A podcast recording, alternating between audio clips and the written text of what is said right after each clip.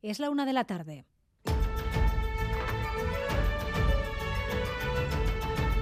Crónica de Euskadi con María Cereceda.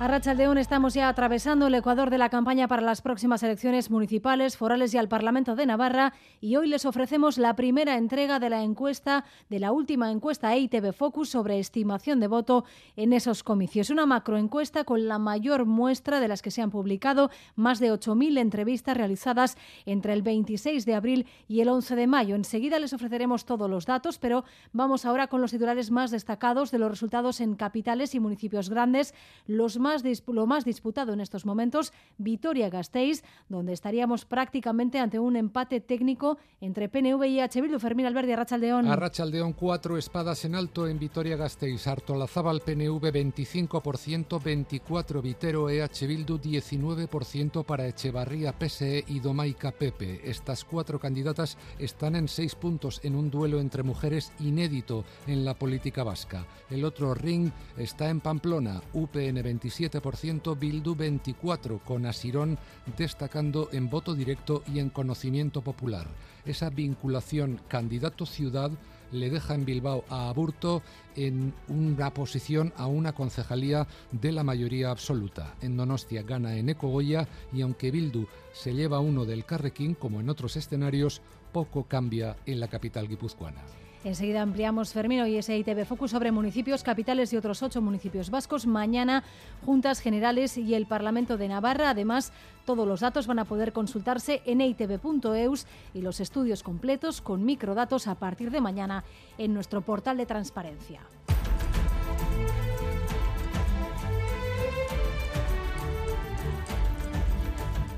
Además, hoy segundo y último día de huelga esta semana en Osakidecha, en hospitales, atención primaria y emergencias, día de balance. Las manifestaciones concluyen a esta hora en las capitales. En la de Bilbao está nuestra compañera Natalia Serrano. Natalia Rachaldeón. Arrachaldeón María sigue aquí junto a la Delegación de Salud en Vizcaya. Finaliza ya la manifestación convocada en esta segunda jornada de huelga en Osakidecha.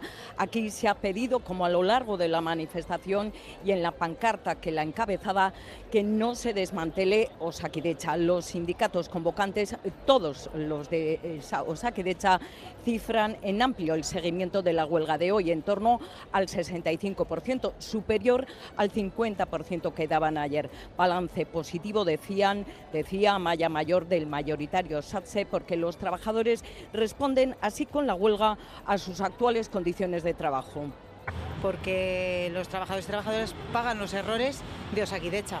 Cuando Osakidecha precariza, el personal no tiene contratos dignos y le cuesta conciliar su vida personal y laboral y se tienen que presentar una y otra vez a procesos de empleo sin haber acabado el anterior.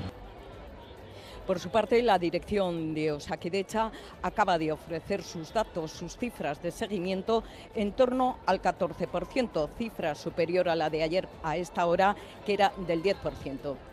Gracias, Natalia. El Departamento de Salud centra los problemas de Osakidecha en la falta de profesionales. El Gobierno vasco insiste en la necesidad de agilizar los trámites para que sanitarios de países fuera de Europa puedan ser contratados aquí para reforzar los servicios públicos. Han hecho una propuesta al Ministerio que el Endacari defendía hoy en redes sociales.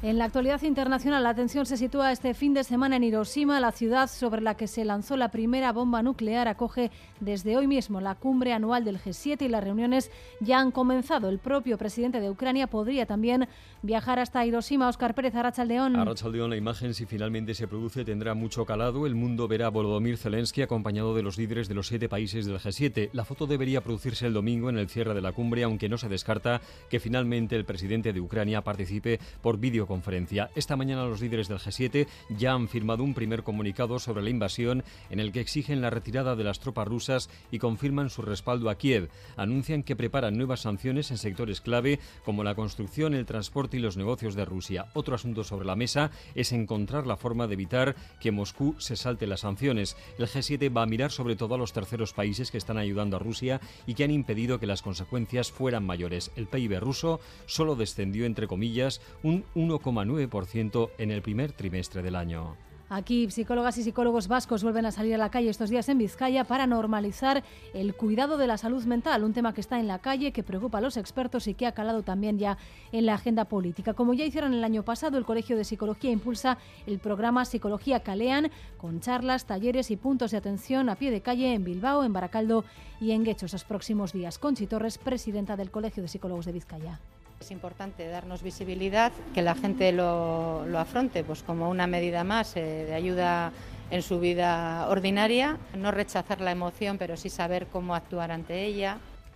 Y en Pamplona, a menos de dos meses del inicio de los Sanfermines, sabemos ya que no va a haber chosnas tampoco este año. Ni la iniciativa popular Erri Sanfermeñac ni los colectivos de migrantes van a colocar sus casetas porque no aceptan la ubicación que les ofrece Navarra Suma en el Parque de la Runa, en el barrio de la Rochapea. Creen que se quiere sacar a los colectivos populares del centro de la fiesta, como ya ocurrió el año pasado. Egle Torres y Paula García representan a esos colectivos. Creo que es una lucha de Teresa, de dignidad y de exigir el respeto que merecemos. Nos parece que para poder hacer ese trabajo y para poder llevar a cabo esa labor es importante estar en el corazón de la fiesta.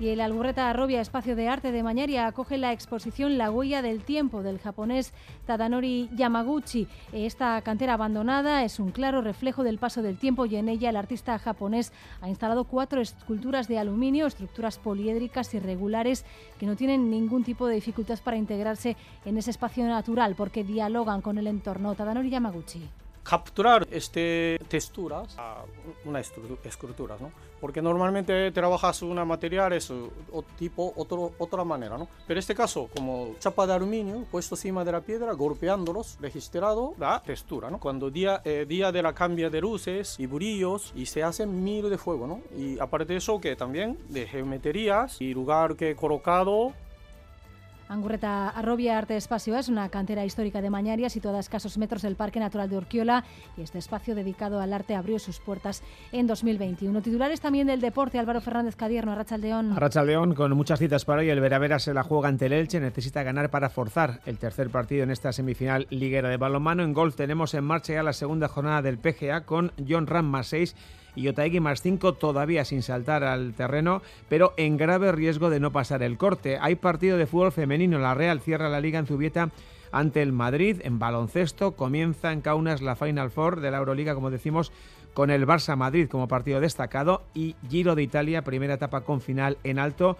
Con Tomás de líder, solo se van a disputar los últimos 75 kilómetros debido a la nieve. En cuanto al tiempo, la inestabilidad reina este viernes. Según Euskalmet, por la tarde van a remitir las lluvias, pero volverán por la noche, sobre todo en el norte. El viento sigue soplando también del norte, lo que aumenta la sensación de frío. Las máximas tampoco llegan hoy a los 20 grados. A esta hora tenemos 19 en San Sebastián, 18 en Bilbao y Bayona, 14 en Vitoria-Gasteiz y en Pamplona. Sin problemas, a esta hora en carreteras está interrumpido el servicio de Euskotren, el topo, entre Pasaya y Galcharaborda, en Herrentería, desde las 10 de esta mañana por una incidencia en la catenaria. Se está ofreciendo servicio al alternativo de autobús a los usuarios. También en Metro Bilbao se han registrado retrasos durante unas dos horas esta mañana por problemas técnicos. El servicio quedaba restablecido sobre las diez y media. Gracias por elegir Radio Euskadi y Radio Vitoria para informarse. Raúl González y José Ignacio Revuelta están en la dirección técnica, Ainhoa Iglesia en la coordinación.